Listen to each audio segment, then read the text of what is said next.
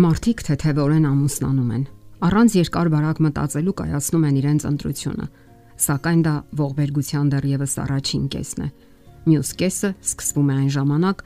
երբ զույգը որոշում է խզել հարաբերությունները եւ վերջ դնել համատեղ կյանքին։ Սակայն միանգամից ասենք, որ դա չէ ելքը։ Դա երբեք էլ չի եղել ելքը Եվ եթե մեծահասակները, նախկին ամուսինները ինչ որ ձևով կարողանում են համակերպվել նոր կյանքի հետ, ապա երեխաների համար դա վերածվում է յուրատեսակ ողբերգության։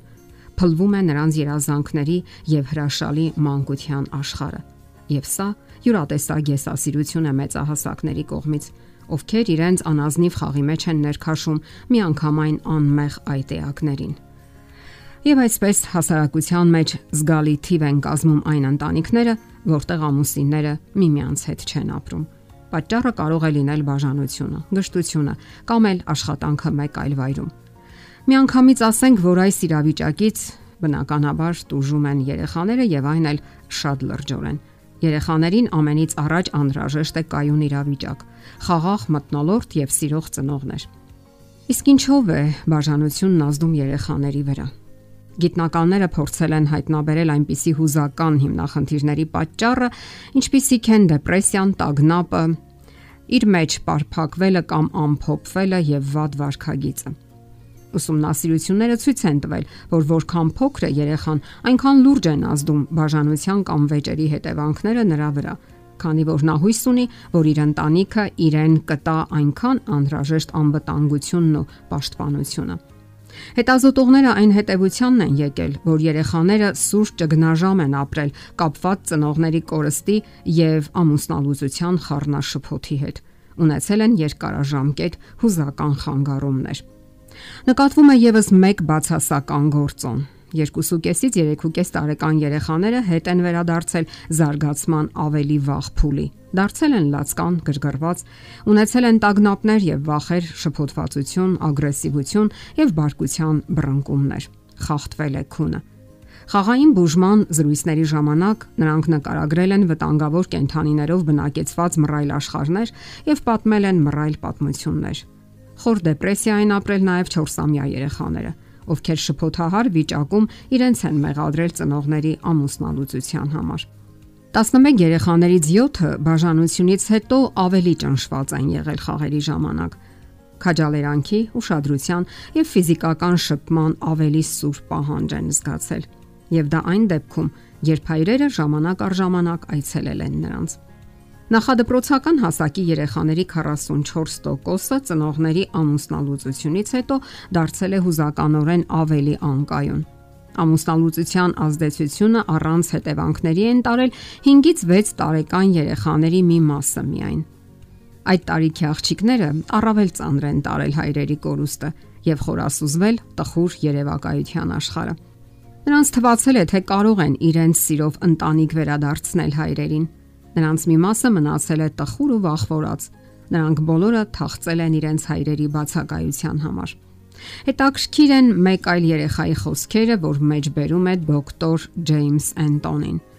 Ես զգում եմ, որ հայրս ու մայրս կարծես պայքարում են իմ ներսում։ Իսկ ապա հեռանում միմյանցից երկու մասի բաժանելով ինձ, որpիսի ես գնամ երկուսի հետ էլ։ Բայց եթե ես անեմ դա, դա իմ վերջը կլինի։ Նրանք կքայքայեն, կխորտակեն ինձ։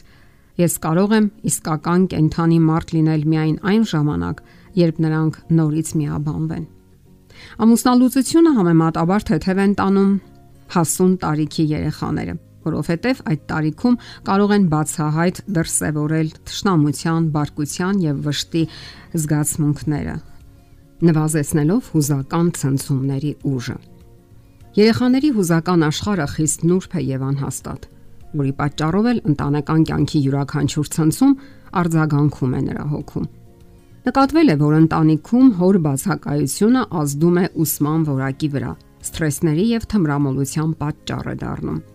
Հոգեբույժները նկատել են նաև, որ մանուկ հասակում հոր հետ բարի հարաբերություններ ունեցող երեխաները որպես կանոն հոմոսեքսուալիստներ չեն դառնում Ոչ ճիշտ անբնական սեռական կողմնորոշման պատճառը հայրական ազդեցության բացակայությունն է։ Շեղումներ են նկատվում նաև հայրերի հետ մտերիմ շփում ունեցող աղջիկների մոտ, ովքեր առավել հաճախ են սկսում ճափից դուրս հրապուրվել տղաներով, բնազդաբար փոխհատուցելով մանուկ հասակում հոր շփման պակասը։ Իսկ այն աղջիկները, որոնց հայրերը մահացել են, սովորաբար խուսափում են տղաներից։ Երեխայի վրա հոր ազդեցության անբավարարությունը նվազեցնում է նրա վերլուծական ընտունակությունները։ Իհարկե կան ընտանիքներ, որտեղ հոր բացակայության կամ դեր չունենալու դեպքում էլ մեծանում են երջանիկ կամ լիարժեք երեխաներ։ Սակայն բոլոր դեպքերում խիստ կարևոր է ուժեղ հոր դրական ազդեցությունը, որը պահպանվում է մինչև կյանքի վերջը։ Յուրաքանչյուր ծնող պետք է հիշի իր պատասխանատվությունը դեռևս չձևավորված այդ անմեղ էակների առաջ, որովհետև նրանք են, որ դառնում են այդ իրավիճակի անմռունջ զինվորները եւ դժբախտ պատանդները։ Իսկ դա անարդար է։ Ձերք ձերքի եւ սիրտ սրտի տված նրանք այրացած մոր զավակները քայլում էին խաղաղության դաշտերի լույսի արահետներով, տեսնելով նոր բաներ, նոր արևի տակ։ Եվ բոլոր ոսկե օրերի միջով տարածվում էր ընդհատվող մի ձայն։ Խրճիթի դռան մոտի վանդակի մեջ գտնվող ծաղրասարյակի հարուստ հուզիչ մեղեդին